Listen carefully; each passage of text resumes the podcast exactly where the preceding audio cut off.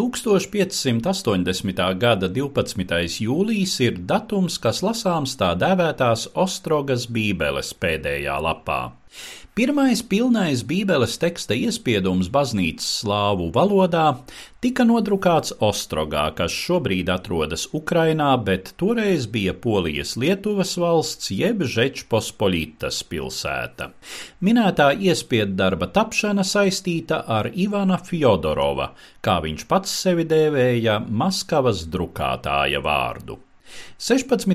gadsimtā Lietuvas lielkņaziste bija nozīmīgs austrumslāvu kultūras attīstības areāls, katrā ziņā nemazāk nozīmīgs kā Maskava. Būdama tuvāk Eiropai, šī teritorija pirmā saņēma rosinošus attīstības impulsus no rietumiem, tā skaitā šeit agrāk sāka izplatīties arī drukāšanas māksla. Par celmlauzi šai ziņā uzskatāms Baltkrievu filozofs, mediķis un publicists Francisks Skarīna, kurš jau 1517. gadā nodibināja Prāgā tipogrāfiju, kur iespieda arī bībeles tekstus rusīnu jeb vec Baltkrievu valodā. Par Ostrogas bībeles iespiedēja Ivana Fjodorova biogrāfiju ir maz ziņu. Daži fakti liek domāt, ka viņš dzimis Petkoviču pilsētiņā netālu no Minskas. Savukārt viņš pats par savu tēvzemi un dzimto saucis Maskavas lielkņazisti un arī latīņu tekstos parakstījies kā Joannes Teodori Moskus, Joanns Teodorijs, respektīvi Fjodora dēls Maskavietis. 1532. gadā, kā mākslu bakalaurs pabeidzis Krakovas Jagaļa universitāti, viņš pārcēlās uz Maskavu un nonāca toreizējā Novgorodas un Pleskavas arhibīskapa un vēlākā Maskavas metropolīta Makārija pietuvināto lokā.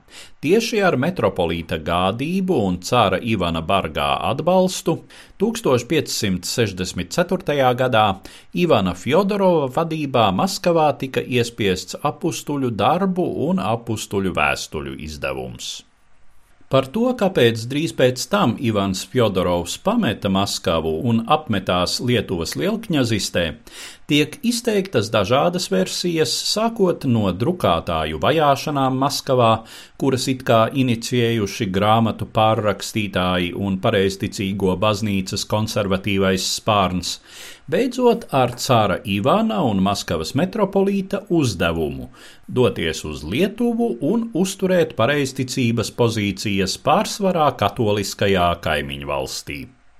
Fjodorova drukātava vispirms darbojās Hetmaņa Hotkeviča īpašumā netālu no Bjalistokas, vēlāk Ļuvovā, līdz beidzot viņš atrada pastāvīgu dzīves un darba vietu pie Ostrogas kņāza Konstantīna, pareizticīgās bībeles izdošanas entuziasta.